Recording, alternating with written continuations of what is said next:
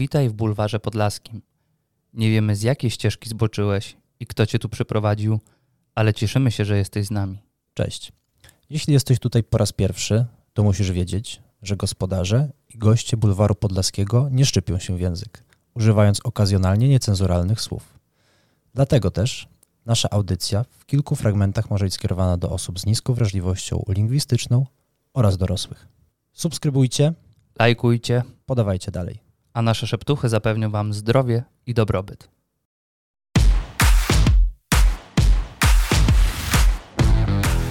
Krzysztof Ufnal, najbardziej bezkompromisowa osoba stąpająca po warszawskim lądzie. Kilkukrotny laureat Nagrody Złotego Konkubenta dzielnicy Ochota. Miłośnik zwierząt, warszawiak z krwi i kości, lecz z podlaską duszą, która kilka lat temu zadomowiła się w tym blisko 100-kilogramowym ciele na stałe. Przez jednego może zostać nazwany wyszczekanym, ryżym hamem, a przez innych elitarnie inteligentnym hipochondrykiem o poziomie dowcipu niezrozumiałym dla każdego. Człowiek encyklopedia, strzelający nazwiskami, tytułami, słowami piosenek szybciej, celniej niż Simo Hajcha, szerzej znany jako Biała Śmierć. Niegdyś amerykański nomad, dzisiaj ułożony starszy pan, prowadzący spokojny, osiadły tryb życia, którego również dożyna Adaś Glapiński z Wesołą Bandą. Gdyby był gejem, chciałby być chłopakiem Luka Skywalkera i synem Lorda Vadera. Amator piłki nożnej. Niegdyś również futbolu amerykańskiego. Kibic Legii Warszawa, kreator najdłuższej czarnej listy świata z takimi personami na szczycie, jak Wójt, Kozioł z Rancza czy Dariusz Mioduski. Posiadacz karty rybackiej.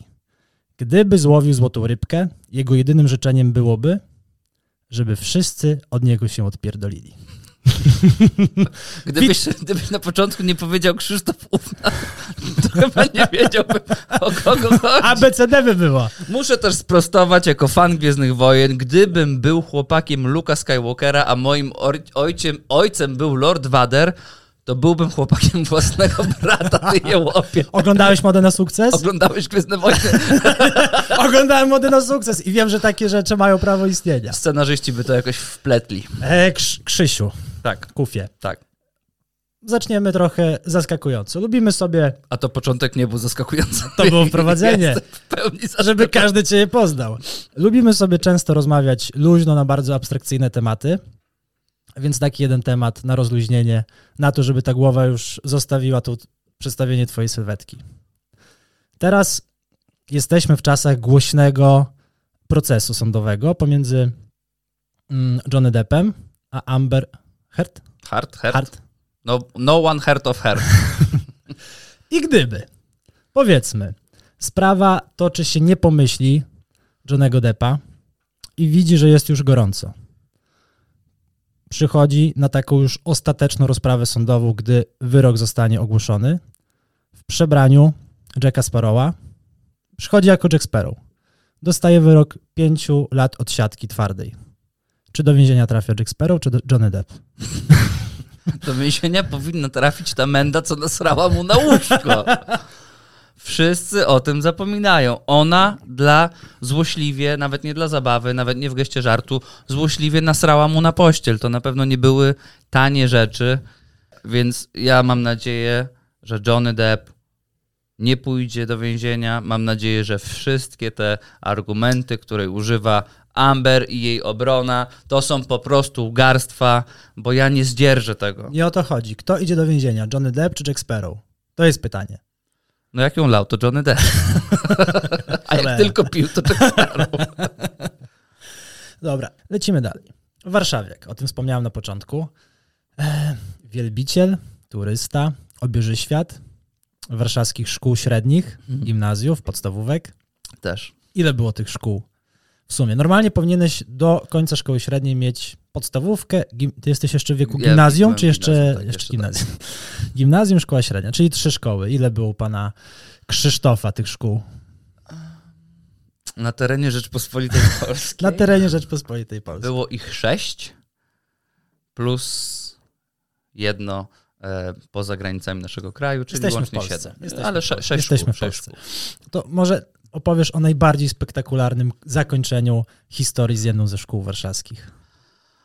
Ja, Za co? Dlaczego? ja wiem, to były same nieporozumienia. Te największe. Kwestie logistyczne bym powiedział czasami, czasami nieporozumienia. Największe nieporozumienie. E, no wiesz co, mogę tak e, dyplomatycznie odpowiedzieć, że nie byłem najrozważniejszą osobą w liceum. Tu nie mamy czasu na dyplomatyczne odpowiedzi. Można wręcz powiedzieć, jeśli mamy mówić wprost, to byłem cymbałem.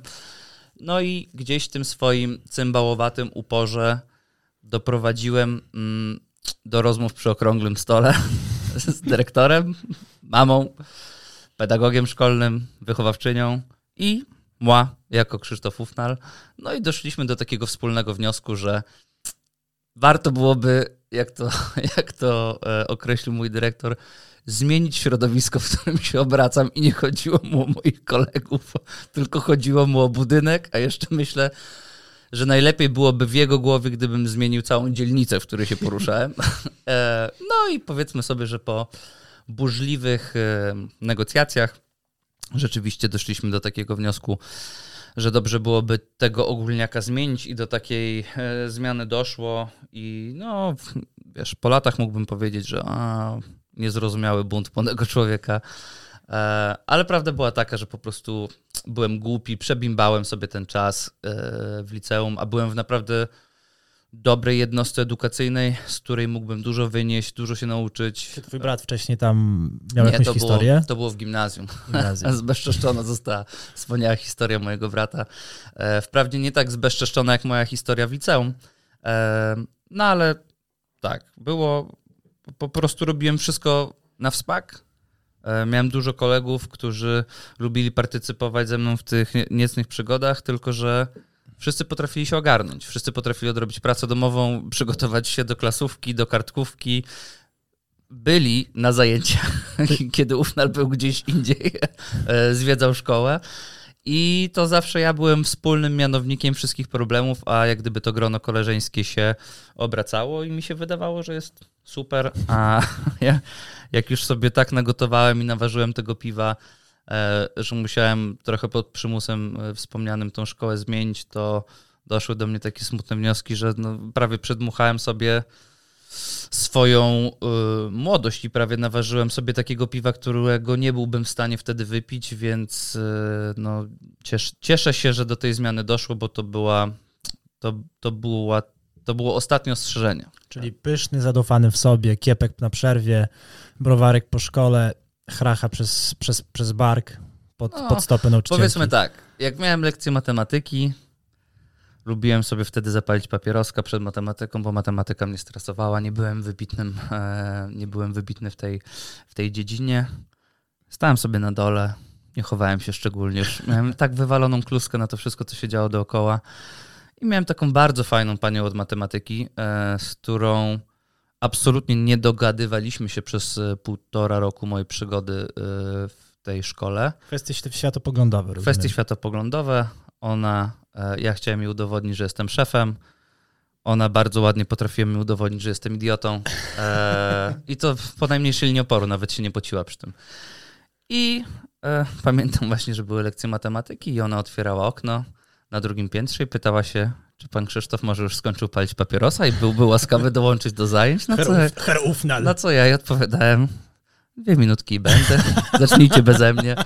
No i powiem ci, że to jest chyba taka zajawka, która najlepiej przedstawia, co wtedy działo się w mojej głowie i, i nikomu nie życzę, żeby szedł tą ścieżką, bo to dzisiaj jest śmieszna anegdota, bo udało mi się wrócić na właściwe tory, ale naprawdę jak, e, jak o tym myślałem już jako dorosły człowiek, to byłem e, byłem dwa przypały od tego, żeby wszystko sobie zniszczyć w życiu, więc nie, nie polecam. A jest coś, czego żałujesz, co powiedziałeś do jakiegoś nauczyciela? Tak, co zapadło ci mocno w pamięć? Nie, nie żałuję, bo to jest też bardzo ważna kwestia.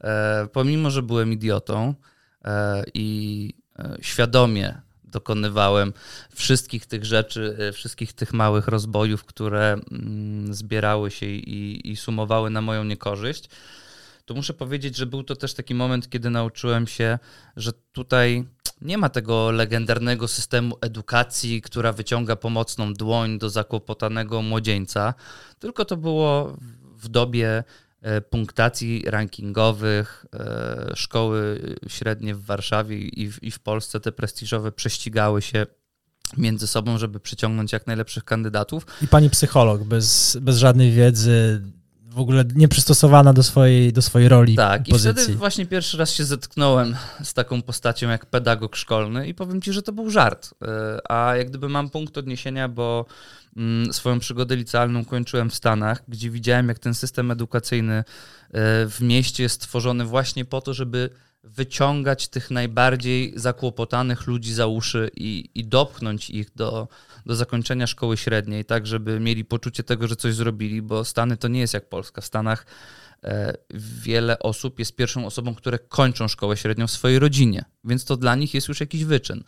I tam ludzie widzieli, że ktoś fajnie się rozwija sportowo, to, to, to, to również ten system mm, w tym rozwoju te, taką jednostkę wspierał.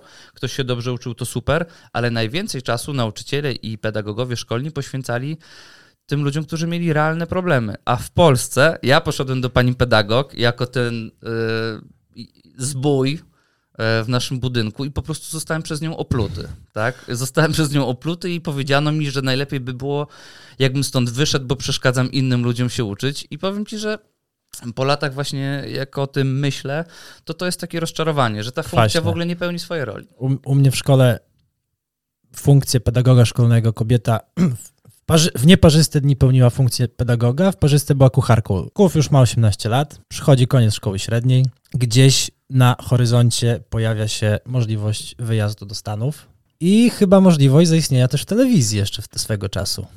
Tak. Czy tam miał, miał miejsce jakiś casting audio, wideo, tele, telemele? Telemele porady. Idę na casting, pojawił się. e, Byłem wtedy tą osobą, e, co jak ktoś jest troszeczkę młodszy niż ja i ty, to może nie wiedzieć, że kiedyś w telewizji muzycznej leciała muzyka, a nie reality show.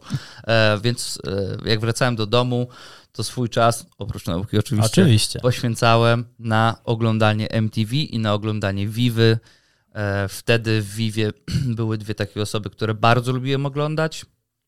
To był Daro Dariusz i to była Małgorzata Halber, Hal, Halber chyba. Halbery. O, o, jej historia była później gorsza niż moja z liceum. To ona przeżyła swoje, ale wróciła na prostą, więc możemy jej pogratulować. E, No, przez niejedną ścieżkę to ona przeszła, że, żeby na tą prostą Przepełzła. wrócić. E, No ale kurde, kto nie, No kto wiadomo, nie przeszedł wiadomo. przez te skróty życiowe. Wszystkie drogi prowadzą na odwyk. I słuchaj, na Vivie ogłosili casting w poszukiwaniu e, nowego, nie wiem, prowadzącego takich programów. Więc się zgłosiłem, zgłosiłem się na casting, e, poszedłem na pierwszą rundę. Pierwsza runda poszła mi w porządku i zostałem zaproszony na kolejną turę, gdzie był już gość, z którym trzeba było przeprowadzić krótką rozmowę, a następnie e, zapowiedzieć wybraną przez niego piosenkę. I gościem był. mm, Gościem był. O matko, jak się nazywała ta grupa? Peja miał z nimi jedną taką piosenkę. Powiem, Nawet jak skłamiesz, to nikt nie będzie w stanie tego sprawdzić. za, p- p- później- Tytus? Nie, to on. Nergal? Glaca. Glac. On się nazywał Glaca i był z jakiegoś rockowego zespołu. I słuchaj, bardzo ładnie się przygotowałem, bo właśnie wtedy miał tą piosenkę z Peją, ruszał w trasę koncertową, więc zadałem takie pytanie, czy pojawi się Rychu, jako gość specjalny, wszyscy się podniecili i on zapowiedział swoją piosenkę. I dzisiaj wiem, jaka to piosenka, ale wtedy byłem bardzo zdenerwowany, jako że jestem osobą, która zawsze bardzo się wszystkim denerwuje. I on powiedział, dobra Krzychu, to ja zamawiam teraz moją ulubioną piosenkę rockową, będzie Back in fucking Black e, zespołu ACDC. A ja kurwa nie wiedziałem, co to jest ACDC, nie wiedziałem, czy on mi alfabet wymienia po angielsku, czy co to jest Back in Black i powiem ci, że byłem tak obsikany, że to, co wyszło z moich ust, ni cholery nie przypominało ABCDCNN, Black Velvet, Glaca. Pa. I to chyba pogrzebało moje szanse. E, I rzeczywiście było tak, że e, już wtedy byłem umówiony z mamą, że jeżeli udałoby mi się wygrać ten casting, to zostanę w Polsce i tutaj pójdę do klasy maturalnej, a jeżeli nie, no to będę podążał e, śladami mojego brata, który do klasy maturalnej również wyjechał na taką jednoroczną e, wymianę do, do Stanów i castingu nie wygrałem. Udało mi się wyjechać do Ameryki. I wyrabiamy paszport, pakujemy walizki Patrzymy na kurs polskiego złotego do dolara amerykańskiego, ruszamy za wielką wodę. Wtedy jeszcze patrzyła mama. to nie były jeszcze wtedy moje zmartwienia. Pierwszy rok. Pierwsze zderzenie ze Stanami. Miasto. Mm, Detroit. Lądowałem Detroit. w Detroit. Ale to E, było, który to był rok? To był rok 2006, druga połowa 2006, czyli e, w, pod koniec sierpnia tam leciałem i e, to, to był moment rozpoczęcia tej wielkiej krucjaty. Trzeba powiedzieć, może nie każdy wie, że Detroit jest miastem, gdzie robiło się, wytwarzało się masę samochodów, Teraz takim bardzo przemysłowym, Teraz wytwarza się krak. w fabrykach, w tych samych W piecach. samych, tych samych fabrykach. Piece nigdy nie wygasły. Mm-mm. I teraz tak, czy 2006 rok to był już ten okres po wielkim rozkwicie Detroit, czy to już był schyłek tego miasta? Nie, to już była apokalipsa Detroit, bym powiedział.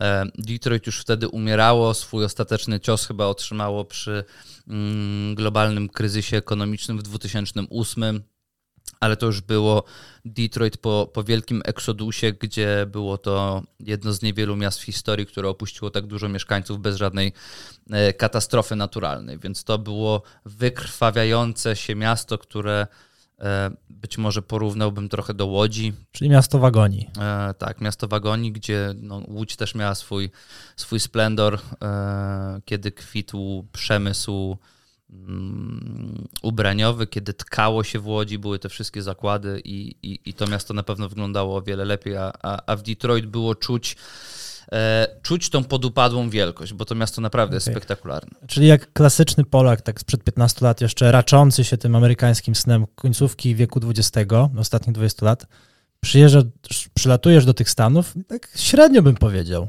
Jakoś nie wierzę, że chyba uderzyła cię w tak wielkość Stanów na początku, ten dobrobyt, wielki złoty amerykański sen. Nie, ale wiesz co, to myślę, że nie, nie uderzyło mnie to ze względu na to, że jak wspomniałeś, wychowywałem się w Warszawie.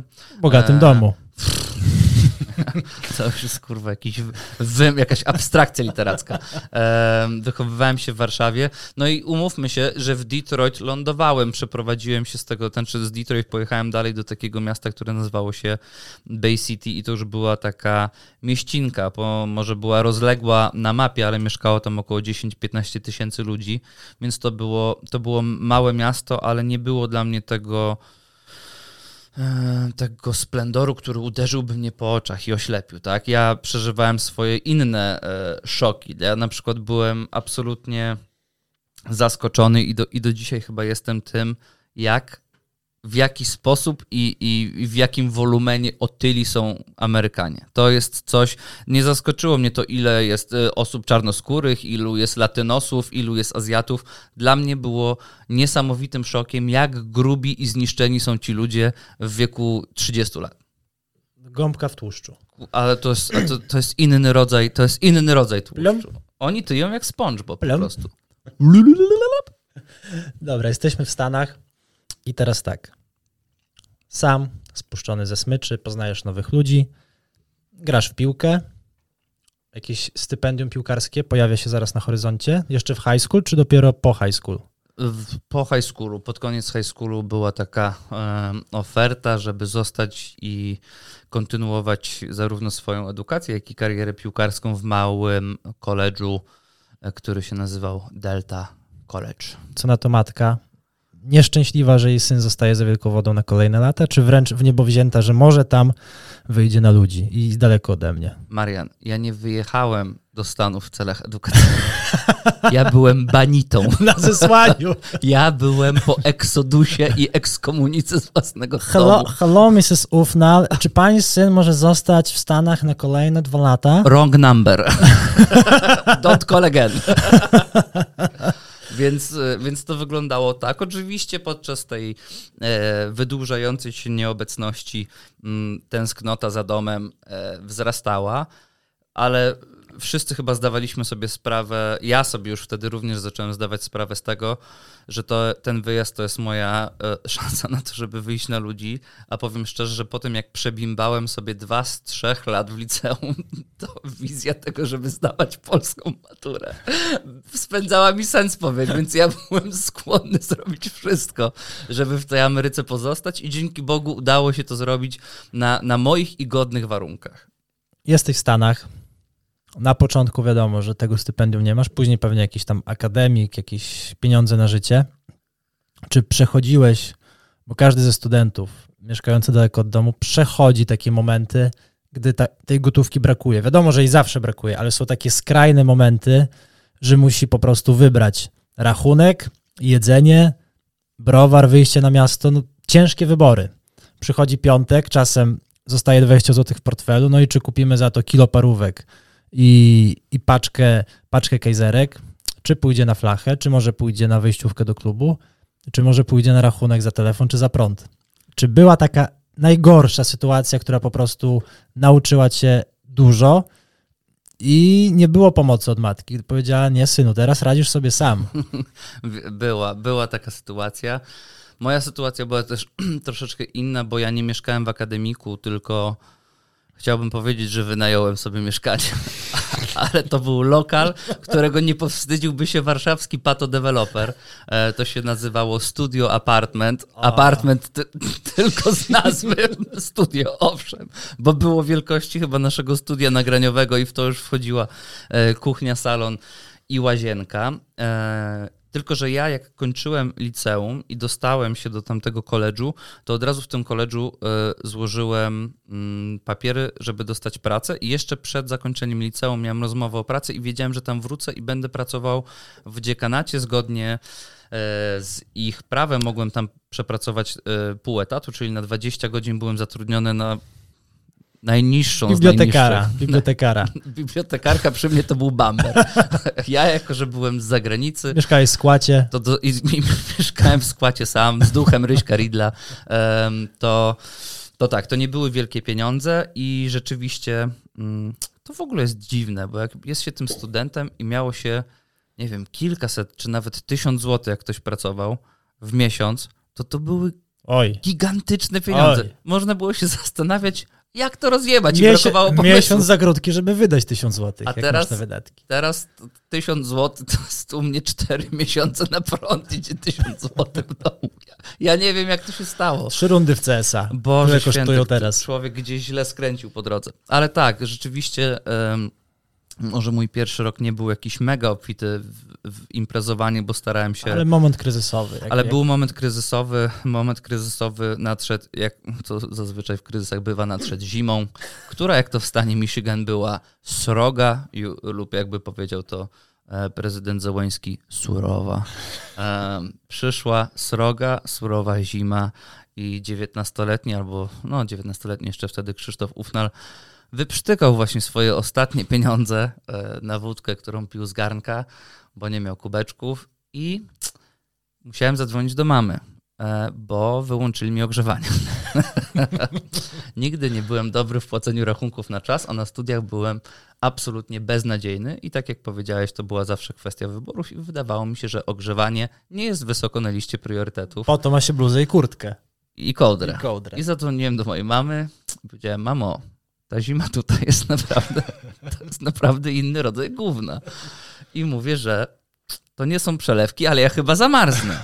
No i matka oczywiście, że a, dramatyzujesz, po czym zadzwoniłem następnego dnia. Miałem takie dziury w szybach, zatykałem je skarpetami. Powiedziałem, mamo, w nocy mi zamarzła woda w szklance i rozsadziło mi szklankę, więc może jednak byś się nade mną zlitowała i wysłała mi te pieniądze na ogrzewanie, które tak, owszem, przebalowałem, no i moja wina, ale trudno, już się stało. I moja mama wtedy mi powiedziała, że jak pomoże mi teraz, to będzie musiała mi pomagać do końca życia i przez następne dwa miesiące nie odebrała ode mnie telefonu. I... Nie zamarzł się, widzę. Czy masz, czy masz, znaczy inaczej, czy nie masz czegoś, o czym nie wiem? Wszystko można teraz naprawić, jak się okazuje. Można wyhodować sobie penisa na lewej ręce. Ale nie, e, było, właśnie doszedłem do tego najniższego z najniższych momentów finansowych w moim życiu i musiałem e, rozerwać pamiątkowy album, który dostałem od rodziny, z którą się przyjaźniłem a ten album był kolekcją 25-centówek, które z przodu miały taką grafikę przypisaną do każdego stanu, była inna grafika, trochę jak e, monety euro, jak dwueurówki każdy kraj, e, To był który jest ich, strefie czy, czy to był pre- prezent dla ciebie? To był prezent dla mnie, bo Okej. oni widzieli, że ja się fascynowałem w liceum tymi e, ćwierćdolarówkami, kolekcjonowałem sobie. Wydawałem, nie kolekcjonowałem. Nie, wtedy jeszcze, wtedy jeszcze byłem na zasiłku dobrym, to, to mogłem sobie kolekcjonować, więc y, rozwaliłem ten album i żeby móc zatankować samochód, żeby móc pojechać do szkoły po mój czek, e, pojechałem na stację benzynową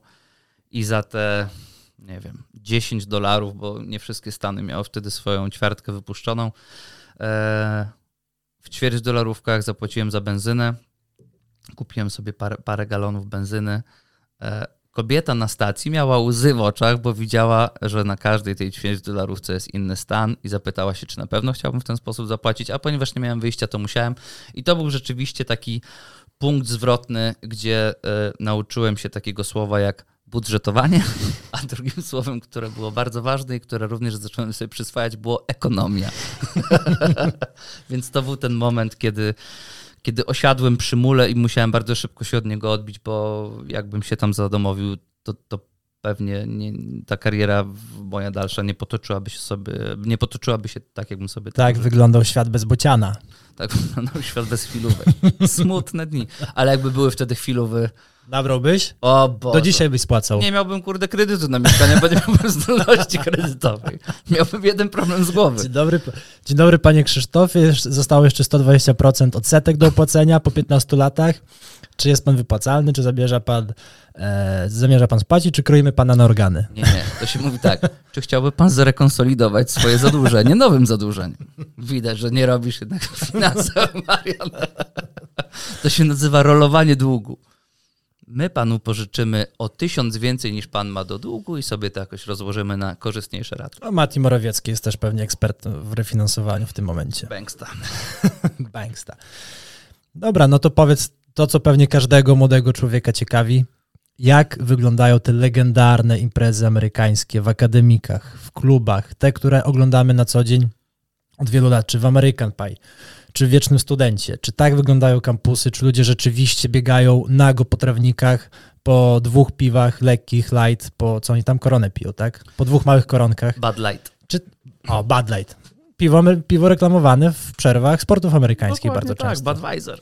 Czy jednak to nie wygląda tak fajnie i mamy dużo przerysowany obraz amerykańskich imprez w Polsce czy w Europie? Powiem tak, filmy nie mówią całej prawdy, bo ta dzicz, która się tam odbywa, jest nie do opisania i nie do złapania w obiektywie. E, Nie ma za grosz przekłamania. Tak? Te imprezy e, w kampusach, imprezy w, domach bractw e, są dokładnie takie, jak kojarzymy ze wszystkich tytułów, które wymieniłeś.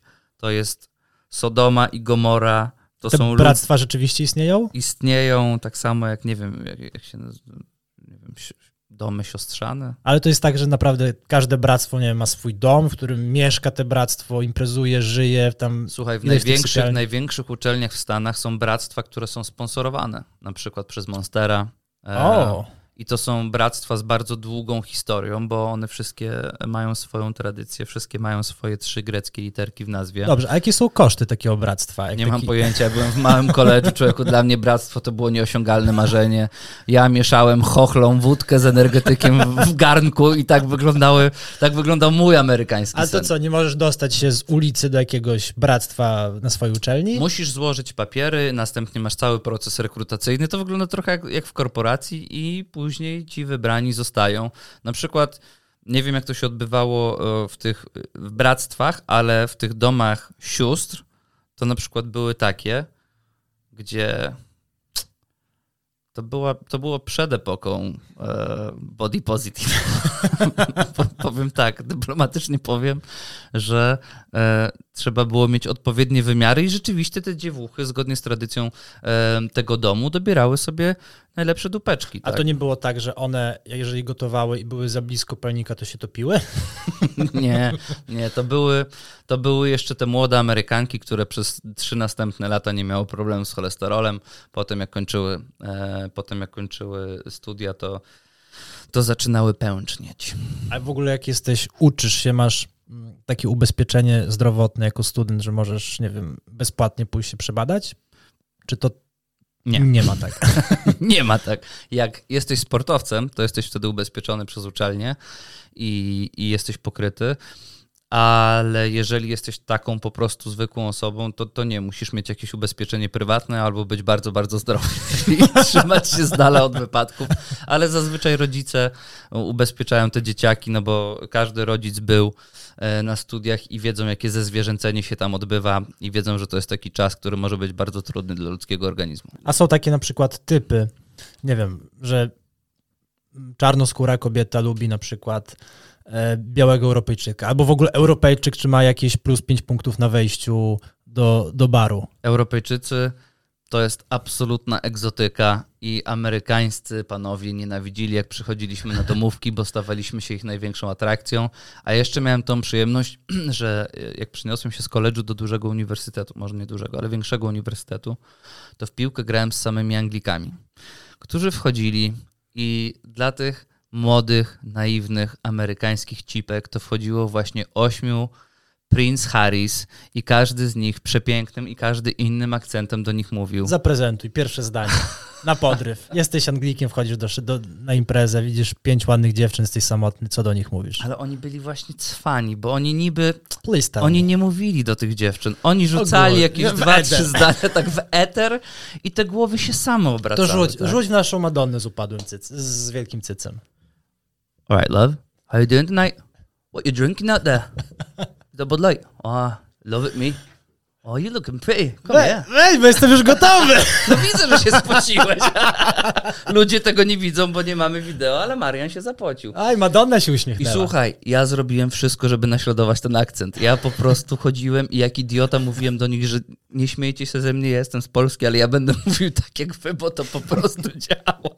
Nie muszę nic więcej. I to była magia, to było po prostu niesamowite. A jak był, miałem też takiego koleżkę, który przyjechał i był autentycznie z Meksyku. Mexico, Hugo Enrique Curmina Cabanas się nazywał, bardzo dobry piłkarz.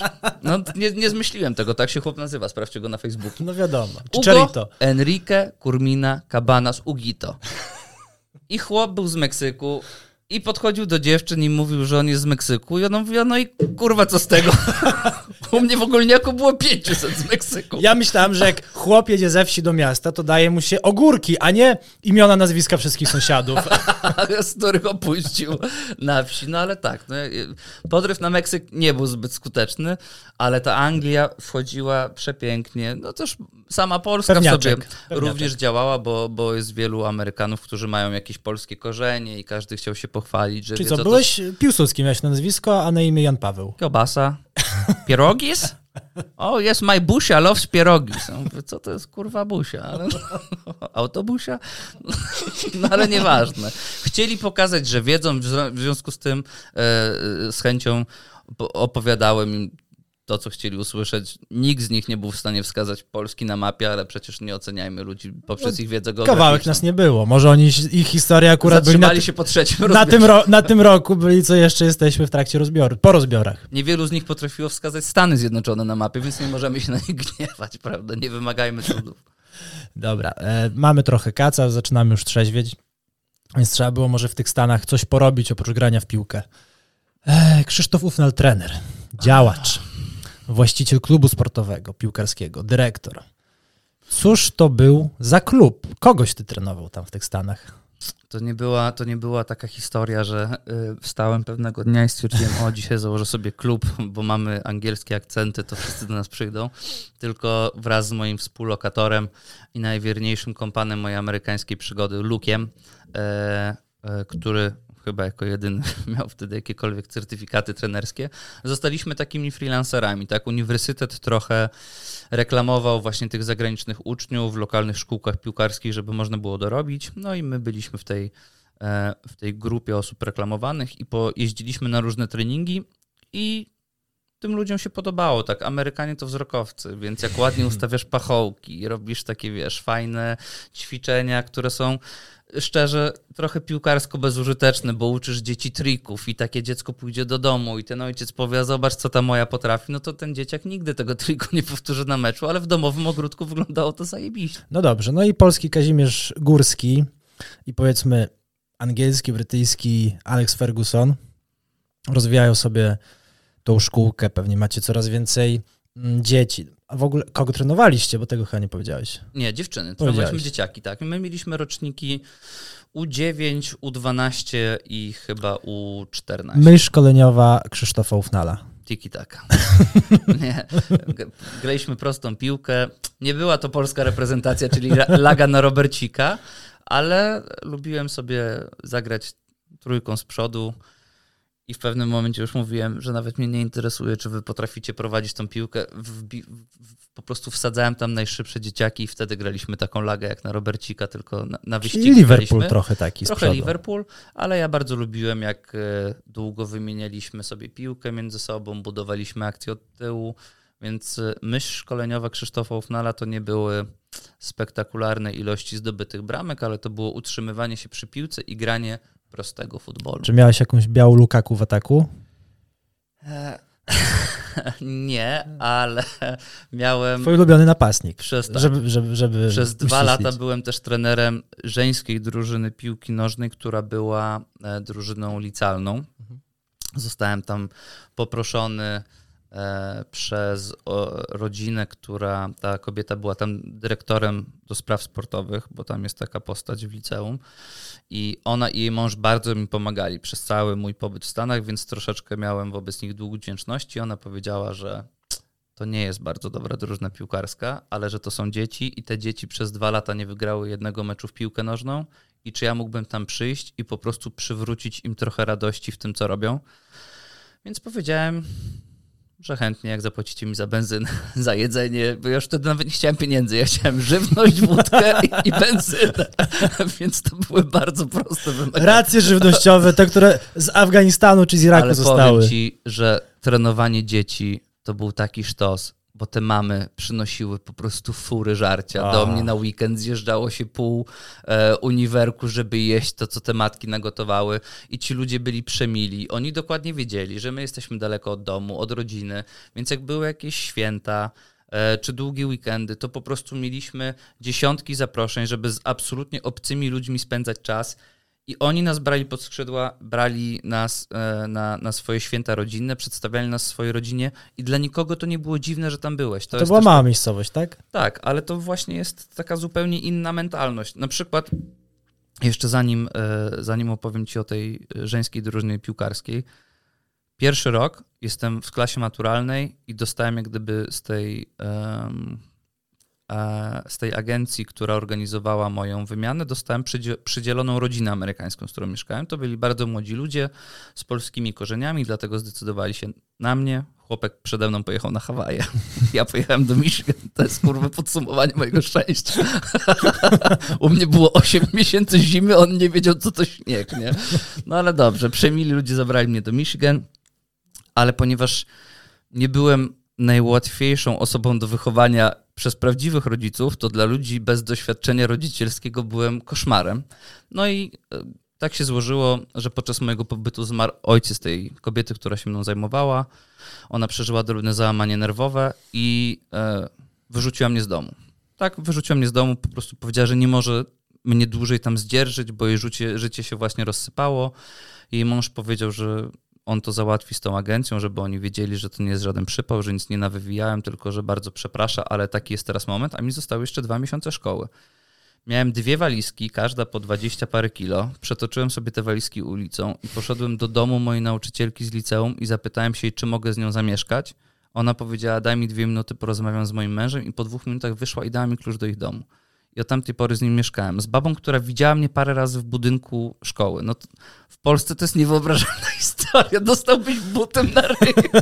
I policja by jeszcze cię zgarnęła. Tak, jeszcze wpis w papierach i miałbyś przesrany do końca życia. Teraz jak wspomniałeś właśnie o tej Polsce, Ukrainie, konflikcie, to, że jesteśmy tacy gościnni. E, mamy też temat, który się przewija, może nie w tym wypadku, ale przewija się już od kilku lat na temat uchodźców, przyjmowania uchodźców, czy powinniśmy przyjmować, czy nie powinniśmy przyjmować uchodźców.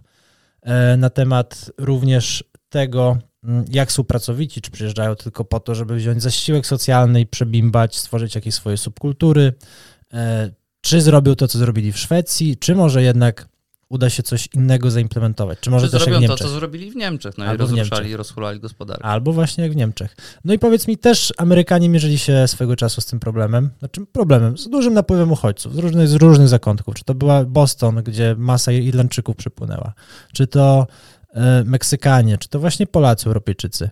Mm, Jakbyś podał takie par, podał parę przykładów, jak ci uchodźcy czy przybysze zachowują się w Stanach? Czy to jest mm, niektóre narody są pracujące, a niektóre rzeczywiście żyją po prostu książkowo z socjalu i nie mogą, nie muszą robić nic więcej? Powiem ci tak, z tego ja mam mało miejskie doświadczenie w Stanach. Bay City na pewno nie było taką destynacją na, e, na, na emigracyjnej mapie, że pójdziemy tam i tam będzie nasze złote miasto Eldorado, gdzie zakorzenimy siebie, e, nasze rodziny i, i zbudujemy nasz ród od nowa. Więc e, to, co ci mogę powiedzieć, co zaobserwowałem, to dużo więcej e, obywateli Stanów Zjednoczonych korzysta z socjalu i jest na tym socjalu rozpasionym Quiet good. e, niż, niż emigranci, których tam spotkałem. No a emigranci w Ameryce, no to jest kwestia dużych miast. Tak? Odwiedziłem e, Chicago, odwiedziłem Orlando, odwiedziłem Detroit i. No, Zagrałeś w kasynie w Las Vegas. Nie, zagrałem w kasynie w Detroit i przewaliłem. E, 20 dolarów. Fortunę jak na tamte czasy, więc e, piłem za cudzesy tego wieczoru. Ale to nie był w ogóle taki moment, kiedy zwracałem uwagę na takie rzeczy. Tak? A Indianie na przykład. Też, też jest ciekawa nacja albo część. Hołk. Grupa etniczna. Indianie, jak śmieją się z tego sami Amerykanie, to głównie alkoholicy. To oczywiście taki żart, który gdzieś rozwinął się w amerykańskim stand-upie, no ale Indianie przez amerykański rząd, rząd ci wylicza w ilu procentach jesteś e, rdzennym Amerykaninem. I w zależności od tego dostajesz zasiłek od amerykańskiego rządu. Na podstawie korzeni, czy na podstawie tego, nie wiem, jak dużo słów potrafisz powiedzieć, czy, czy, dzidą, czy dzidą potrafisz zabić konia? Jak wysoki stawiasz totem, durnie? No. Raczej, że na podstawie jakichś dokumentów i całej genealogii, która jest za, zapewne pieczołowicie badana. I oni dostają, e, to jest chyba zasiłek federalny, więc on nie jest uzależniony od stanu, tak mi się przynajmniej wydaje. E, Indianie mają też inne przywileje. Indianie poza Nevadą odpowiadają za, poza Nevadą i e, jeszcze jest jedna taka miejscowość, Atl- Atlantic City na, wschodnim wybrzeżu. Kasyna. Odpowiadają za kasyna, ponieważ nie muszą za nie płacić podatków i e, są, do dzisiaj są. Ale tak jak Teddy Boys w Warszawie, że robią za ochronę? Nie, oni robią, oni robią za wszystko. E, zatrudniają normalnych, e, normalnych pracowników z różnych grup etnicznych, a właścicielami są e, e, jakieś tam ko- konglomeraty rdzennych Amerykanów. I do dzisiaj są miejsca, które kiedyś były rezerwatami, e, a teraz osadzają się tam e, Indianie i na przykład masz kolesia, który mieszka w przyczepie, a przed tą przyczepą stoi samochód wart 250 tysięcy dolarów i ten chłopek nie robi za dużo, nie jest mu potrzebne więcej niż ta przyczepa, więc sobie tam żyje, ale no tak jak mówię, byłem za młody, żeby, żeby przykładać do tego jakąś większą uwagę, ale pamiętam jak e, osoby starsze ode mnie właśnie opowiadały mi o tym, że mm, indyjskie teks- kasyna są nie, nieopodatkowane, w związku z tym mm, to był taki ich przywilej, który, który posiadali. Zakładam, Małe słowo przywilej. Zakładam, że jest to za te wszystkie nieszczęścia, które ich spotkali. No i trzeba sobie zadać pytanie, czy to jest wystarczające zadośćuczynienie? Oni twierdzą, że nie. A co za te westerny, co przegrywali ciągle? No za te west... Z tak. Clintem Eastwoodem? Dokładnie, chodzi o filmy. Powiedzieli, że bardzo im się nie podobało, jak sportretowało ich Hollywood. A my, my za pokłosie nie możemy dostać jakichś socjali? Za cokolwiek. Za Wielkie Księstwo Warszawskie. Halo, gdzie jest socjal? No nie, no ale, ale tak, to, tak, tak to funkcjonuje, a jeśli chodzi o te kwestie imigracyjno-emigracyjne, to, to tak jak mówię, byłem w zbyt małej jednostce aglomeracyjnej, żeby się wypowiedzieć. Wybaczone. Dzięki. Dyplomatycznie. Placówka dyplomatyczna e, w stanie Michigan, Detroit e, wydała oświadczenie. Ambasador Krzysztof Ufnal. Ambasador Pozdrawiam. Krzysztof Ufnal. Jego ekscelencja, tak się mówi do ambasadora, więc uważaj. To to kupi. Dzień dobry. Pojawiła się ciekawa propozycja. Myślę, że szansa dla osoby, no, naturszczyka, osoby, która weszła z ulicy do telewizji właśnie do Google Boxa, nieprzygotowana w żaden sposób mm, merytorycznie do pracy, jakoś mm, bez takiego warsztatu, bez obycia z kamerą, z mikrofonem, nie pracowałeś wcześniej ani w radio. Byłeś blisko pracy w telewizji, ale to był tylko casting, więc też można. Na ABC, nie trzeba na o tym ABC wspominać. poległem. ABCDD. ABCDDB. Mo, może robiłeś jakieś mm, wywiady pod prysznicem ze słuchawką i no i ze swoim małym Krzysztofem i to było wszystko. A tutaj pojawia się duży projekt, kto to kupi, duże studio telewizyjne. Myślę, że dosyć e, spory budżet jak, jak na TTV e, zaangażowany w ten projekt, w to przedsięwzięcie. Mm, Duże nadzieje, duże nadzieje. No i partner, który jednak te obycie z kamerą, z telewizją, z radiem już miał, Janek Pirowski. I tutaj opowiedz po prostu, najpierw może technicznie podejdźmy do tematu. Mm, Ile było odcinków? 12? 15. 15 było odcinków. Jak y, wygląda technicznie kręcenie takiego programu? Czy to jest rzeczywiście, nie wiem, spotykacie się raz w tygodniu przez tam trzy miesiące, nagrywacie to?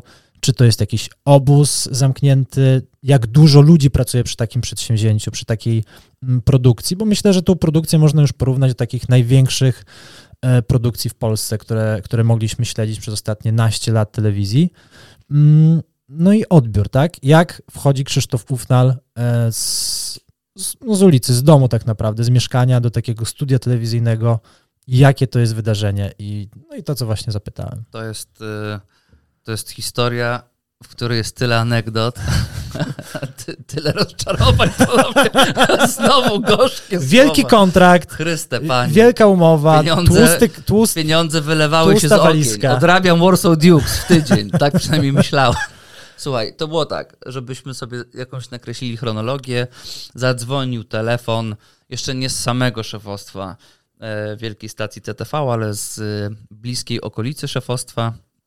Zostaje zaproszony na casting w Krakowie do takiego formatu, ponieważ ten sam człowiek, który krakowskie zaprosił, studio. tak, który zaprosił mnie na ten casting, dzwonił do mnie dwa miesiące wcześniej i zapraszał mnie na udział w programie Dżentelmeni i Wieśniacy, to średnio chciałem odebrać od niego telefon tym razem. Bo wtedy też mi tak nakreślił. Słuchaj, Krzysztof, jesteś naprawdę bardzo nam się podoba to, co robisz w Google Boxie i jesteśmy zachwyceni. Chcemy dać ci dużą szansę. Czy chciałbyś być dżentelmenem w programie Dżentelmeni? Prawie zjechałem z mostu wtedy, bo jechałem akurat poniatowskim. Myślałem, że naprawdę A szykuje jeszcze nie było radaru wtedy. Nie, a o Jezus, no myślałem, że się wpierdolę do Wisły, bo wiesz, w 5 sekund już sobie nakreśliłem nie wiadomo co, po czym on mówi dżentelmeni i wieśniacy, pomyślałem sobie, a to siur. No nic, dzwoni ten sam pan, bardzo go lubimy, dzwoni, mówi, że jest casting, powiedziałem, że już w ciemno to już nic nie biorę, e, nie mówię tak albo nie, tylko niech mi powie, z jakiego to się formatu wywodzi. Powiedział mi, obejrzałem, pomyślałem sobie, fajne, tak? Spojrzałem sobie na brytyjską wersję, ona akurat była z jednym prowadzącym. Jadę do Krakowa, jak zwykle, ponieważ czy to mecz B-klasy, czy to mecz Warsaw Dukes, czy to Stoperan. Rozmowa w urzędzie skarbowym. Stoperan, dwa razy na wszelki wypadek. Jadę w piątek, to we wtorek puści, wiadomo. Jestem bardzo zdenerwowany. Nie wiem dlaczego. Ja po prostu zawsze się denerwuję, pomimo, że wszyscy mi powtarzają przy takich okazjach, że nie wiem, jedziesz i to jest jakaś szansa, że nie musisz. Zabawa. Jadę, wchodzę do tego studia, jestem chyba ostatnią osobą. To cas- e, casting. Tego dnia jest casting, jest przemiła. Jak zwykle są przemiłe panie z makijażu. Oczywiście. Wchodzę, Znane twarze jakieś były na korytarzu castingowym? Była znana twarz po mnie, no do tego jeszcze wrócimy. No i jest pani, co prowadzi casting, jest tam, nie wiem, e, reżyserem czy asystentem reżysera. Jest już tak wypruta, że widzi tą moją mordę, nie ma zielonego pojęcia, kim jestem. Pije właśnie swoją 17 kawę i mówi, dobra, stań tu, tutaj powiesz to, później powiesz, ty i tak się kurwa nie dostaniesz, no ale dobra, powiesz sobie to, później pójdziesz tam. No i wiesz, ja przyjechałem i, i powiem ci, że to mnie tak uderzyło, że ona już jest na nie i że jest taka. taka zrezygnowana. Szacunku. Więc pomyślałem, że rozpierdolę im to studio. I zacząłem robić tak chore rzeczy. Im się oczy otworzyły, jakby ktoś doodbytniczo wlewał im espresso właśnie. I to niekończące się ilości A kawy. miałeś jakiś tekst? Czy Nie. Wszystko w ogóle na żywioł. Do niczego, nic się nie przygotowałem, tak? Żadnych otwarć nie przygotowałem. Robiłem rozmowy z uczestnikami, robiłem jakieś rozmowy z publicznością, rozmowy zakulisowe i wyszedłem stamtąd i e, wyszedł koleś, który tam odpowiadał za studio i powiedział e, gościu, widzimy się na planie. Ja mówię, dobra, tam takie pierdolenie jak w korporacji, zadzwonimy za dwa tygodnie, tak, e, się odezwiemy.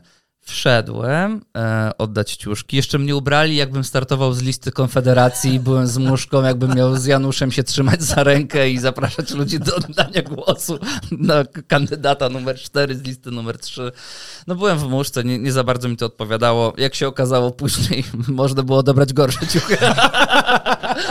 Myślałem, że najgorsze miałem już ze sobą na castingu. O nie! Do docelowego formatu było dużo gorzej. E, nie wiem, czy to jest tajemnica. Chyba nie mam żadnej umowy. Nie, ale już się skończyła. To na pewno skończyła. Po mnie była Asia Jędrzejczyk. O. E, chciała się castingować i było sporo nazwisk e, ze świata internetu i telewizji. E, firma, Tłuste koty. Firma produkcyjna, same tłuste koty. E, I ja. Lichy, Sierściu. lichy kiciu. Jeszcze z mlekiem em, pod nosem. I e, wszyscy bardzo poważnie do tego podchodzą, a ja stwierdziłem, że jak będę podchodził do tego tak poważnie, jak oni, to zwariuję. To jest w ogóle nie, Nie mój, nie mój nie klimat. Nie, kurwa, ja muszę być, wiesz, wyluzowany. E, ja się dobrze czuję wtedy, kiedy mogę dużo mówić, kiedy ta maszyna jest naoliwiona, napędzona i kiedy się nie zastanawiam 20 razy, czy nie wiem, czy jest coś napisane na kartce, czy teraz się robi tak. W Googleboxie nic nie mamy napisane na kartce. Mówimy, co chcemy i później tylko prawnik decyduje, za co mogą stację pozwać. Nie każdy. Podobno. Podobno. No ale y, jak gdyby trzymajmy się faktów, tak? Trzymajmy się e, historii, która jest nam znana. Więc tam z Jankiem Pirowskim też stwierdziliśmy, że no my jesteśmy na tyle hmm, kreatywni, że nikt nam nie musi nic pisać, żadnych otwarć, zakończeń. e, Czy nie było prompterów, żadnych, rozumiem, tak? Nie, nie było żadnego promptera. I dzisiaj chyba żałuję tego, że nie było promptera, bo później do 23 e, nagrywało się otwarcia albo zamknięcia odcinków. i już, Jeszcze raz, jeszcze raz. I już miałeś tak wykasowaną No głowę. właśnie. Skończ. Skończ. E, miałeś tak wykasowaną głowę, że nie byłeś w stanie wymyślić nic innego niż witamy w kolejnym odcinku, kto to kupi, a jednak chcieli troszkę więcej fajerwerków. A ja jestem tą osobą, która jest pragmatyczna i jestem minimalistą w kwestii ewidentnie otwarć i odcinku, więc bardzo Dzień dobry. Byłem trochę jak Felek podczas składania życzeń w Googleboxie. Chcę powiedzieć wesołych świąt. A oni chcieli więcej.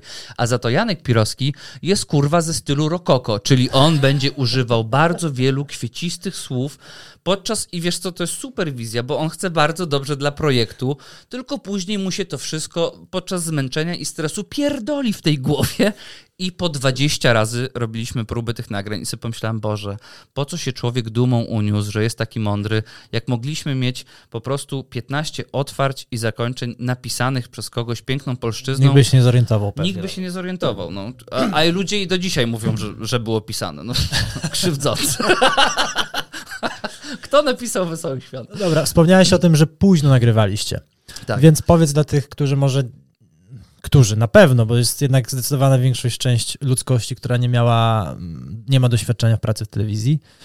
Czy to jest praca, nagrywanie takiego, kto to kupi, przyjście na 2-3 godzinki, 4-5 i zawijka do domu? Nie, nie, nie. Tutaj nie wiem, jak wyglądają inne duże formaty, ale tu pracowaliśmy tak, że zjechaliśmy się do Krakowa, gdzie w podkrakowskiej Alwerni program był nagrywany i przez tydzień tam byliśmy. Pracowaliśmy ciągiem. W kołchozie. I, e, w kołchozie i po prostu byliśmy w studio mniej więcej od 8 do 23, w zależności od tego, jak nam szły rzeczy z małą przerwą na, na obiad. I e, tak naprawdę od 10 do tej 23 to już była praca. Praca, praca, praca, praca, praca. I też w ogóle zmieniło się wszystko, co sobie oni wymyślili w głowie, co ja Tak. sobie wymyśliłem w głowie. Pamiętam, że właśnie mówiłem ci, były pierwsze dwie godziny próbnych nagrań, czyli robiło się same takie figury, otwarcie, tu się obraca scena, teraz jest prezentacja, teraz kończy uczestnik, teraz publiczność, teraz y, jury i koniec, nie? I zrobiliśmy sobie kilka takich przelotów na pusto, po czym reżyser mówi, dobra panowie, pierwszy uczestnik. I nie ma, że e, próba generalna, tylko idzie pierwsza pani ze swoim produktem, no i stoję na tym backstage'u, wychodzi ta kobieta, która e, reklamowała jakieś, e, Ona produkowała, nie. O nie, ale tych znajdziemy. nie martw się, tych znajdziemy. E, I ona produkowała jakieś e, pojemniki na mm, mleko modyfikowane dla dzieci, żeby tam były kreseczki, ile ciepłej wody, ile zimnej, ile mleka, czy tego proszku. Nieważne. Dobrze się sprzedało, dobry, dobry produkt i po prostu telepały jej się ręce z nerwów. A ty miałeś panie cisnąć. A Ufnarowi też się telepało wszystko z nerwów. Po prostu dzwoniły jajka, jak, jak dzwonią dzwonki sań. I ona wyszła i zobaczyłem ją taką przerażoną i pomyślałem sobie, że ona nie idzie do milionerów, gdzie może odpowie na kilka fajnych pytań i wygra jakieś pieniądze, tylko ta kobieta wychodzi tutaj i sprzedaje pracę swojego życia, Projekt życia być swoje może. marzenia, reklamuje to, reklamuje to przed firmami, które realnie kupowały od tych ludzi te rzeczy i to jest dla nich gigantyczna szansa. I Okno ja, wystawowe. i ja teraz mam być tym palantem, który będzie z niej cisnął. Powiem ci, że w 15 sekund podjąłem tę decyzję, że nie cisnę z żadnego uczestnika i po prostu witałem się i trochę jak Karolinka Gilon w Ninja Warrior. Powodzenia. Powodzenia. Dawaj! Trzymamy kciuki. Jest to rodzina? O, tam jest rodzina, brawo, brawo dla No rodziny. i wiesz, takie próbowałem y, zabawiać się frazami jak się czujesz albo powodzenia Wesoły duszek. i dodać im otuchy, ale na pewno nie jak gdyby nie nakładać Mhm. na nich dodatkowej presji, może rozprężyć ich, ich jakimś żartem, ale takim żartem, z którego się możemy razem pośmiać, a nie żeby oni wychodzili na scenę i sobie pomyśleli, co to za jakaś pizda z Warszawy e, będzie mnie teraz obrażała, jak to jest kluczowy moment dla mojego biznesu, tak jak ktoś jest małym startupem. Oczywiście. Więc nie wróciłem do tego. e, Nie dałem sobie wmówić, że powinniśmy do tego wrócić, bo powiedziałem e, ludziom, którzy odpowiadali za format, że słuchajcie, ci ludzie przeżywają to siedem razy bardziej ode mnie, pomimo że jest to bardzo mało prawdopodobne, bo tak jak mówiłem, ja się denerwuję wszystkim i mega to odchorowuję później. Ja nie zrobię im tego. Ja im po prostu tego nie zrobię. No i tak wygląda nasz dzień. Przychodzili jeden po drugim, jeden po drugim, jeden po drugim, przerwa obiadowa, wracamy jeden po drugim, jeden po drugim, jeden po drugim. I nawet nie wiedziałem, kiedy były przerwy. Chyba nie było tam odcinków rozpisanych, tylko oni później sobie montują, mm, ustawiając różnych uczestników do, do danego odcinka. I później na koniec dnia pracy nagrywaliśmy rozpoczęcia i zakończenie odcinków. Wódeczka. E, nie, nie było nawet. Ja myślałem, że będzie jakaś wódeczka czy coś. Wracaliśmy, to e, w kuchni hotelowej czekali na nas jeszcze z możliwością zamówienia kolacji. Jadłem kolację i chciałbym powiedzieć, że szedłem spać, ale ponieważ mam delikatną higienę snu, jak sam zauważyłeś, to szedłem i zastanawiałem się, co zrobię jutro. Czytałem sobie, e, jacy tam mają uczestnicy się pojawić, jak mogę im pomóc. Y, Zacząłem chodzić na próby, które były jeszcze wcześniej niż powinienem być na planie. Na takie, może nie próby, tylko oni wchodzili i oni im pokazywali to studio i oni mogli sobie stanąć Okej. na scenie, żeby się jak gdyby oswoić z tym. Czyli profeska. Otoczeniem. Pełna profeska. W E, wykonaniu pana Ufnala. No, starałem się, bo tak jak mówię, bardzo szybko uświadomiłem sobie, że to, co dla mnie miało być tą lekkoduszną zabawą i, i jakim, jakąś tam przygodą, to dla tych ludzi jest szansą i na przykład też angażowałem się w obronę tych produktów, bo dochodziło do jakichś nonsensowych sytuacji w mediach społecznościowych, gdzie na przykład wychodziła pani, która reklamowała mm, torebkę do noszenia zwierząt. Czy to jest pierwsza torebka do noszenia zwierząt na świecie? Pewnie nie, no nie odkryła koła od zera, ale to jest jej produkt, robi to, e, szyje to w Polsce, za produkcję i design odpowiadają. Polacy, pewnie jakieś tam ekologiczne. I na przykład ktoś komentował, o spoko produkt, tutaj zostawiam linka do AliExpress, można kupić za jedną trzecią cenę. No i ja się, w, to był taki dzień, gdzie się bardzo poirytowałem. Wszedłem sobie na profil tego typa i e, emisja programu zaczęła się podczas pandemii i trwała w pandemii. I ten koleś miał oflagowany swój profil e, jakimiś postami, że rząd nie wspiera polskich przedsiębiorców. I, i go do niego napisałem, że halo, tutaj krzyczysz, że rząd nie wspiera ciebie jako przedsiębiorcy, że wszyscy są gnojeni, że nie ma żadnej pomocy, a tymczasem wychodzi kobieta, która w Polsce robi, przygotowuje swój produkt, reklamuje go dla Polaków po przystępnej cenie, a ty wchodzisz i w internecie wpierdalasz linka, gdzie można kupić chińską alternatywną wersję tego samego. To Ale to myślę, że uwidacznia się ten problem, gdzie u nas w Polsce jest często tak, że mój problem jest większy niż twój. I zamyka się już ta perspektywa. Jeżeli coś, jeżeli coś mnie dotyka, to już brakuje tej odwagi spojrzeć dalej i pomyśleć, że jednak to dotyka nie tylko mnie. No kurczę, to jest, twój towarzysz broni, tak? To dokładnie. jest przedsiębiorca, mikroprzedsiębiorca ze swoim startupem. Gracie pod jedną banderą. Tak. I e, tutaj prosisz o pomoc i jesteś nieszczęśliwy i chciałbyś, żeby ktoś wyciągnął do ciebie pomocną dłoń, po czym odwracasz się w prawo do koleżanki w tej samej koszulce i na nią plujesz. Zgadza się. No bo nie ma nic gorszego e, chyba niż powiedzenie, że fajny masz produkt, w Afryce. ale tutaj sobie kup w Chinach. No No dobra, czyli tak. E, zasnęliście z pomysłem, z marzeniem na stworzenie Frankensteina mm, w zamku w Rumunii. Obudziliście się w słonecznej Kalifornii z Terminatorem pod pachą. I powiedz mi, uważasz dzisiaj już po emisji, po tym czasie, że to był sukces tego programu, że, suk- że program odniósł sukces, czy spodziewałeś się jednak czegoś większego? Mm, Czy spodziewałeś się jednak, że ta kariera twoja telewizyjna na tej trampolinie wyskoczy bardzo wysoko w jakimś Ice Tower na najwyższe już levele? To jest tak.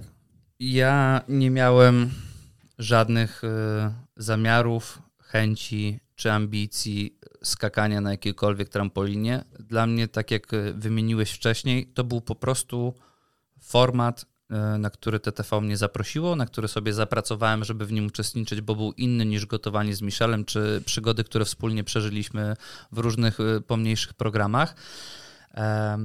Ale nie chciałem iść tam z taką presją i obcią- obciążeniem, że jak, Teraz albo jak nigdy. zrobię teraz tu coś fajnie, to coś się wydarzy.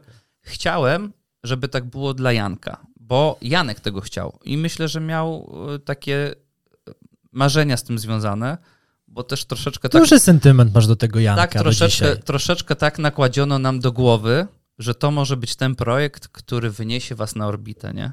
I ja nie chciałem w ogóle wchodzić do tego kosmodromu. Na chuj mnie ta orbita. Ja jestem szczęśliwy w Googleboxie z moimi kolegami. Budowaliście SpaceX, ale powiedziałeś, że miejsce dla pasażera jest niepotrzebne. Ja swoje oddam. O mniej więcej w ten sposób. E, A z drugiej strony był człowiek, który przeszedł całą tą ścieżkę medialną i chciał, Organicznie rósł, można powiedzieć. organicznie rósł, doczekał się tego momentu i teraz tak, czy projekt był sukcesem? To, co było zakładane przed jego wypuszczeniem, nie zostało osiągnięte.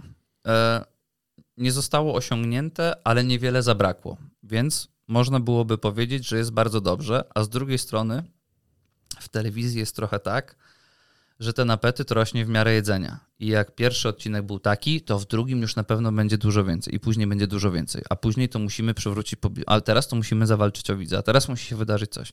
I y, pomimo, że ten benchmark nie został osiągnięty, to po wykonaniu swojej pracy i po zakończeniu całego cyklu Kto to kupi, było duże spotkanie, gdzie wszyscy podziękowali sobie za pracę, za profesjonalizm, gdzie wszyscy powiedzieli, że każdy doskonale wywiązał się ze Good swoich job. obowiązków Good job. że był good job.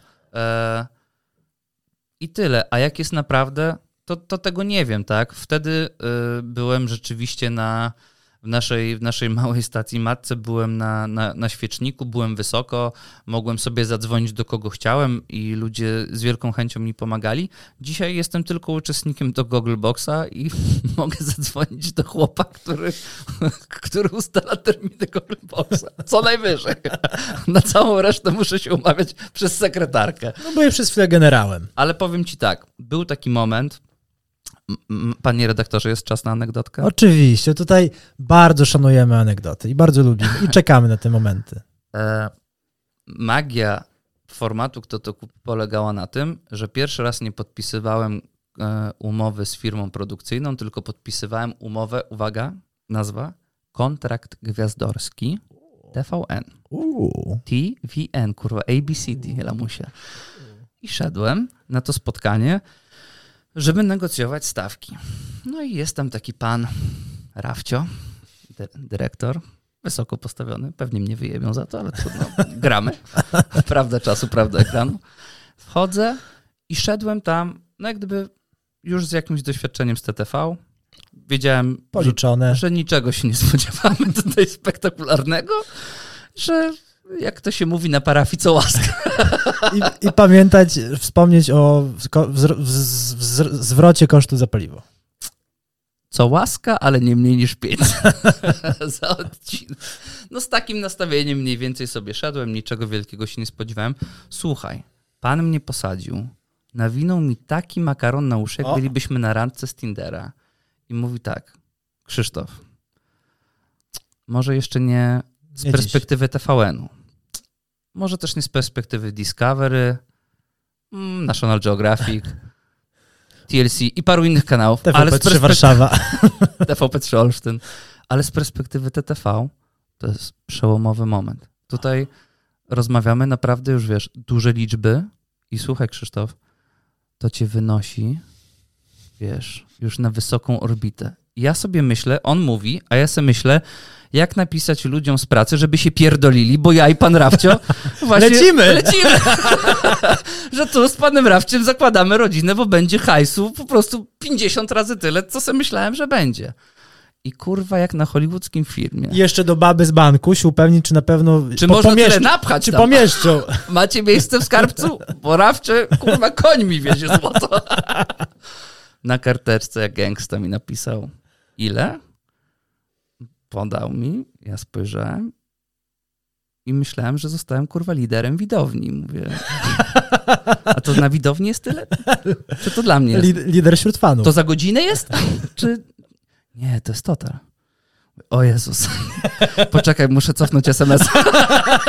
Może jeszcze nie odczytany. Ale powiem ci, że nie wiem, to ponownie ta moja naiwność, że gdzieś przez te 25 sekund wydawało mi się, że już lecimy, SpaceX, Rafcio, ja, Pirowski został na dole, trudno nie było go na spotkaniu. No jego problem, nie mogę się o wszystkich martwić. I 30 sekund zostałem ponownie sprowadzony na ziemię. Nie, żebym miał do kogokolwiek żal, no bo tak jak mówię, znamy te stawki, Jestem kurde gościem z absolutnej ulicy, bez żadnych osiągnięć telewizyjnych, ale taką jak, jak on zagrał mi tą przygrywkę, no to myślałem, że zaraz rozpierdolimy lokal, nie? Że jak to jest preludium, to jak wejdzie refren, Nie, sta- nie, nie kładziesz na stole złotych sztućców, żeby zjeść suchą karkówkę. no oczywiście. Mówię, gdzie są homarce? gdzie są krewetki? Rafa, a co jest?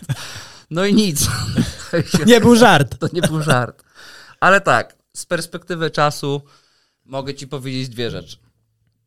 Cie, y, nie zostałem Nikodemem Dyzmy telewizji, Mhm. ale cieszę się, że pilnowałem się na tyle, że nie zostałem też Ludkiem Danielakiem. Okej. Czyli win- win-win. Win-win. Znaczy, lose bank account. Znaczy luz, luz jest non-stop. tak to się życie toczy, ale, ale jest... Nie, nie, nie żałuję niczego. Wszyscy mi powiedzieli, że wykonałem swoją pracę, że program był sztosem. Później zdarzyła się pandemia, która no, w programie, który jest mocno oparty o, o interakcję z widownią, nie mógł powstać. Myślę, że teraz mógłby powstać. Myślę, że stacja obrała inny kierunek i, i, i pewnie nie są zainteresowani powrotem formatu Kto to kupi, a tak naprawdę to nigdy się nie dowiem prawdy. Nigdy się nie dowiem, czy dobrze się wywiązałem Dokładnie. ze swojej roli, bo ci ludzie są profesjonalistami. E, Jakbym bardzo coś spierdolił, to cesarzowa na pewno w pięknych żołnierskich słowach by mi o tym powiedziała, bo, bo się nie cacka, więc e, chodzę spać z takim przekonaniem, że nikogo nie zawiodłem. A no, dla nich to był duży projekt i, i, i starałem się wywiązać z tej pracy takiego, żeby oni byli zadowoleni, dumni i szczęśliwi. Pięknie nam opowiedziałeś. Dziękuję Kto bardzo. to kupi. To już wszystko? Dobra. Jeszcze nie, jeszcze nie, jeszcze nie. Jeszcze, jeszcze gramy dalej. Kuba Wojewódzki Show. Przyszedłeś, zobaczyłeś, zostałeś zakrzyczany, załokciowany przez Sylwię B., Agnieszkę Kotońską. Do dzisiaj, nie to wiem, czy, był mój pierwszy występ w formule Fame MMA. Niestety poległem. nie wiem, czy do dzisiaj posklejałeś żebra po tym. Tam było dużo łokci. Jak to było? Jak w ogóle wspominasz ten Po program? pierwsze przygotowałem się do walki w formule box. E, Że będzie ostro? Kotońska wyszła w Muay Thai. Nie wiedziałem, że można było używać łokci i zostałem zaskoczony. Powiem tak. Na początku będzie nie, bez niespodzianki. Byłem bardzo zdenerwowany. Dwa stoperany poproszę. Oj, nie wiem, czy nie było trzeciego. Tam mogło być zaspawane na tydzień. Byłem bardzo zdenerwowany. E, powiem, ty jesteś dobrym gospodarzem. Przyjechałem dzisiaj, przywitałeś mnie, napiliśmy się razem wody, e, zamieniliśmy parę słów. Kuba Wojewódzki nie jest dobrym gospodarzem. Słyszałem, że tam generalnie nie spotyka się z gościem przed emisją. Ale wiesz co, wydaje mi się, że na tym polega trochę cała ta machina napędzająca ten stres. Okej. Po to, że jak już wychodzisz z tego tunelu, jak na stadionie piłkarskim, uderzają cię te światła Zaczyna reflektorów i zaczyna się, to jesteś troszeczkę oszołomiony, jak jeleń, który wybiega przed długie światła. Wtedy i... są najmocniejsze ciosy, myślisz? Wyprowadzane? Nie wiem. Powiem ci, że ja nie czułem się tam zaatakowany. Wprawdzie, kiedy dowiedziałem się, że jestem zaproszony, to pierwszą moją odpowiedzią było nie idę. Powiedziałem, Po co? nie idę, e, po prostu nie dam się ukrzyżować w imię polskiej rozrywki wojewódzkiemu, e, który pewnie zrobi z nas jakiś patałachów. Później zadzwoniła moja mama i powiedziała, gdzie tam pójdziesz, przecież on cię zagada, to zrobi idiotę z ciebie. No to jak już matka tam, no to gdzie ja tam będę szedł? Po czym wszyscy powiedzieli, przestań, pójdź, będzie w porządku, nikt tam wam pewnie nie zrobi krzywdy. A jak ktoś tak mówi z telewizji, to znaczy, że ci dopierdolą. O mój Boże, przeokrutnie. Więc poszedłem. No i było trochę tak, jak wspomniałeś. Na pytania do mnie odpowiadała Sylwia Bomba, a w momencie, kiedy były nie pytania do mnie, to biła mnie Agnieszka Kotońska. Um, pierwsze, w ogóle pierwszego zdania nie słyszałem, co on powiedział. Tak się denerwowałem. Świstało mi w uszach, jakbym lądował w Normandii i słyszałem właśnie, widziałem, że ruszają mu się wargi, ale nie Miałeś słyszałem. swoją dunkierkę. No strasznie, strasznie byłem. Jakoś to przeżyłem też zupełnie niepotrzebnie i też e, przecudowna życiowa lekcja kontrastu. Był Ufnal, który tam prawie nic nie powiedział. Po czym ludzie powiedzieli, że jest kurwa geniuszem. No, że jest no, wspaniały, jaki elokwentny. Ja mam do dzisiaj tego posta. Ludzie mi pisali, Boże, panie Krzysztofie, jaki pan jest wspaniały. W ogóle przestali do mnie mówić ty rudy chuju, tylko zaczęli o mnie mówić per panie Krzysztofie przez tą krótką chwilę. I że taki mądry, i no człowiek zachodu niemalże, tak? I e, Nowa jakość. ostatnią osobą, która tyle ugrała milczenie był Gandhi, a później byłem ja. Felek jeszcze był po drodze. No, to też racja. Powiem ci, że chyba, chyba przed Mahatmą nawet musimy go ustawić w, w, tym, w tym zestawieniu. No ale to była właśnie taka gigantyczna lekcja o tym, jak, e, jak ta telewizja i rozrywka to się toczy zupełnie inaczej niż sobie o tym myślisz, tak? Ja wychodziłem ze studia myśląc sobie, Chryste Panie, nic tu nie powiedziałem, a jak już odpowiadałem na te pytania, to gdzieś ledwo te zdania kleiłem i jak to będzie wyglądało, a później się okazujesz, okazuje, że jesteś po prostu geniu... Globus. Globus powrócił. Globus powrócił. Globus powrócił. Resurrection. Resurrection, Globus Returns. Lepszy Em. powrót niż Matrixa na pewno.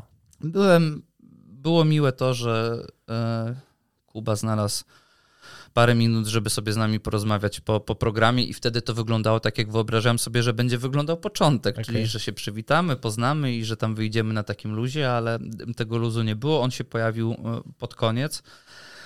I cóż, no było mi trochę przykro, zawsze jest mi trochę przykro.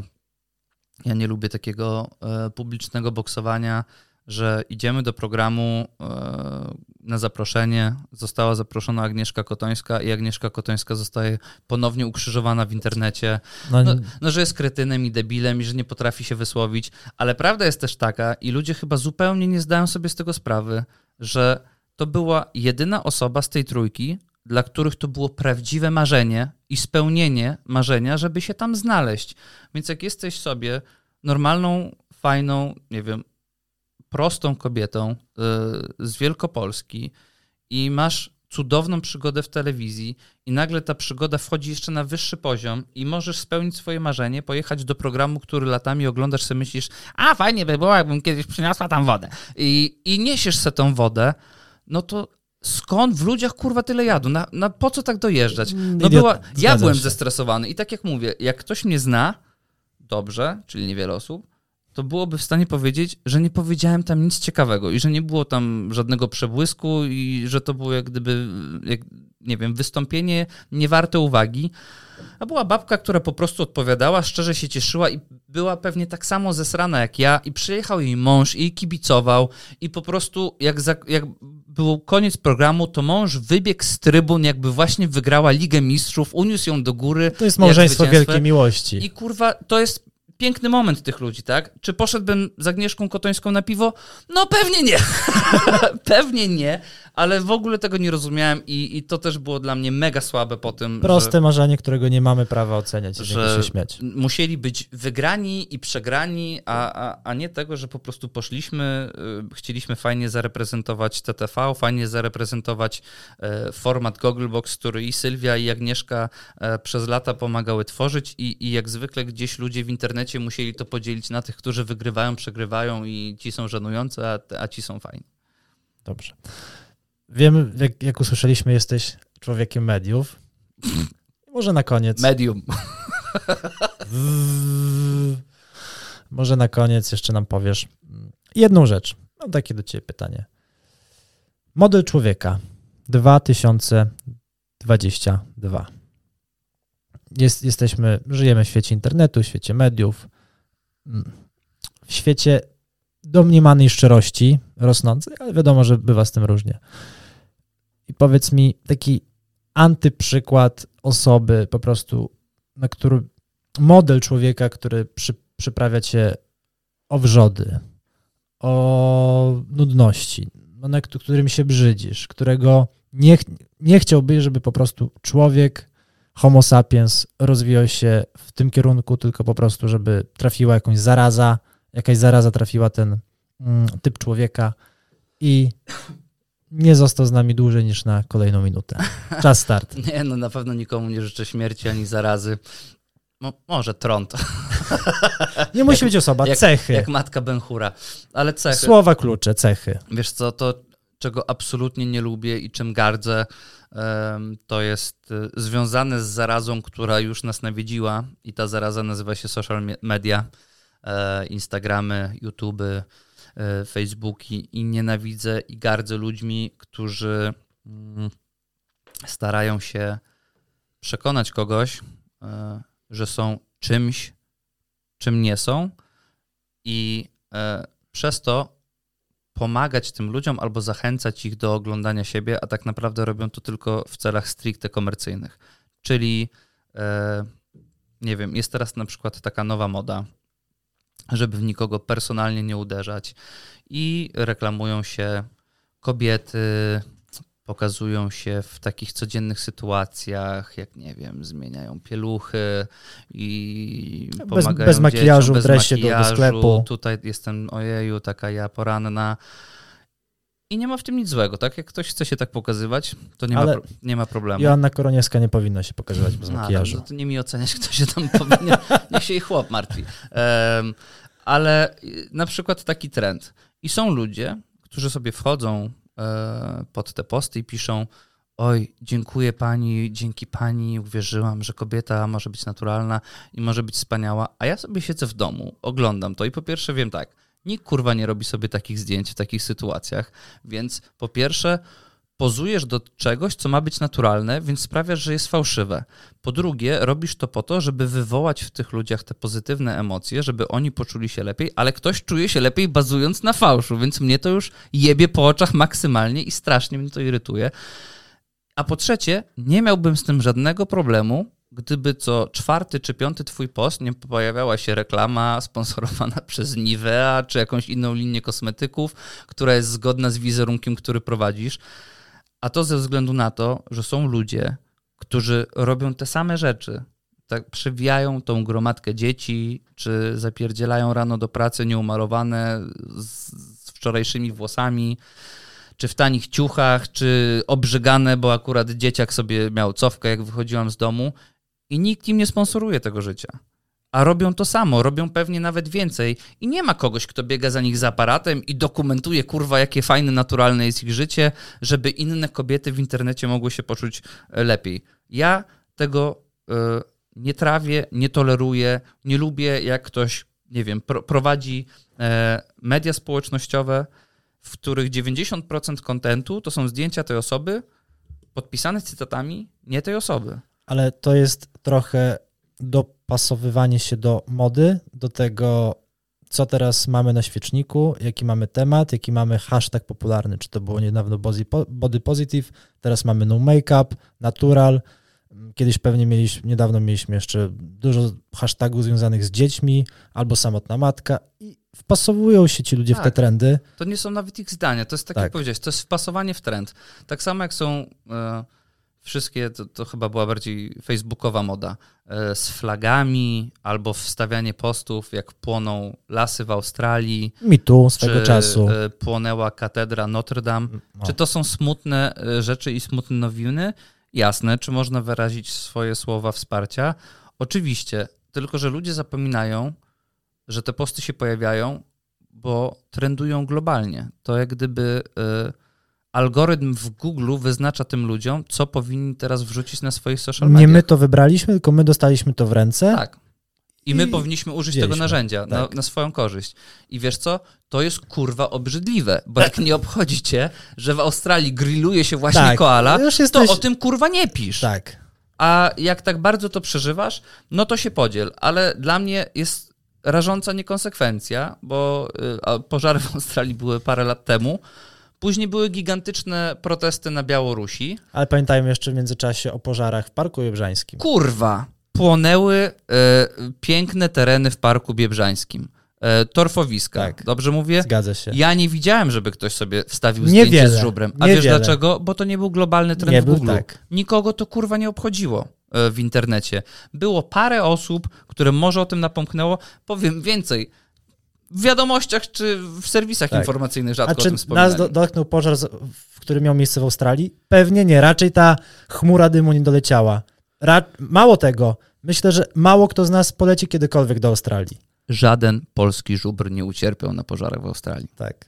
A w Polsce mamy, za płotem się fajczy. Mm, Mm, no za, za mały hałas. no cóż, Duży dym, ale za mały hałas. piszmy hashtag BPN. Nie ma. Paliwo? Jakiś bank? BNP Paribas? No ale to jest straszne, tak? I, i tak jak e, zacząłem, e, były protesty za naszą wschodnią granicą, zanim rozpętało się piekło wojny, e, gdzie ci biedni Białorusini walczą o swoje prawa, m, jak gdyby ściśnięci od, od lat tym reżimem. Nie było kurwa białoruskiej flagi. Niewiele. Ale jak ktoś w przykrych okolicznościach kolanem udusił Afroamerykanina w Stanach Zjednoczonych, gdzie problem takiego rasizmu i represji społecznej nie jest naszym problemem, to w Poznaniu ludzie kładli się w koszulkach, nie mogą Tak. oddychać na chodniku. O, o chuj chodzi. Poznań akurat przy tej historii stał się takim, takim symbolem łatwości, naiwności, jak łatwo jest kimś sterować i jak jesteśmy nieodporni na populistyczne historie. I masz później polskich celebrytów, którzy powielają te hasztagi i którzy powielają te hasła. A to bardzo mi przykro, ale to nie są nasze zmartwienia. Zgadza się. A, Nas te problemy nie dotyczą. a gdy przychodzi też powiedzmy jakaś nowa historia, jak no, z tym Floydem, to masa ludzi nie ma do, na to swojego takiego wyrobionego zdania i czeka. A wiadomo, że jak czeka, nie każdy bierze, mm, nie każdy kreuje swój, swój światopogląd na podstawie takich wiarygodnych źródeł, tylko na podstawie internetu. Ludzi, którzy nie, powie, nie powinni się wypowiadać i też mówią, wypowiadając się na to, często mm, podkreślają, że to jest tylko ich zdanie, Ale to tak nie działa. ale to tak nie działa. Nie, bo jest I albo, są, tysięcy osób, które czekają, aż ta Tak. osoba zabierze zdanie. I albo ci ludzie są tak głupi, nie rozumiejąc tego, albo są tak perfidni, że mówią to pod przykrywką niewiedzy i jedynie wyrażenia własnego zdania. Powiedziałem ci już kilka razy o swojej naiwności w dniu dzisiejszym, więc niestety, ale w tym przypadku uważam, że ci ludzie są po prostu perfidni. I dlatego tym gardzę i dlatego to jest coś, czego nigdy nie będę wspierał i, i, i pewnie nigdy tego nie zrozumiem, ale zdaję sobie też sprawę, że jeżeli Krzysztof Ufnal czegoś nie rozumie albo czegoś nie wspiera, to jest tylko Krzysztof Ufnal, a umówmy się, jest popyt, jest podaż, tak? To się nie wzięło znikąd, ludzie tego potrzebują, ludzie lubią się w to bawić i ewidentnie aż tak bardzo nie przeszkadza im to, jak przeszkadza to mi. Dziękuję dla mojego gościa i dziękuję dla słuchaczy za dzisiejszy odcinek. Dziękuję pięknie. Chcesz coś powiedzieć na koniec? Nie wypierdalajcie nas z TTV. Chociaż umówmy się, kartony spakowane. Buziaki, besos. Pa.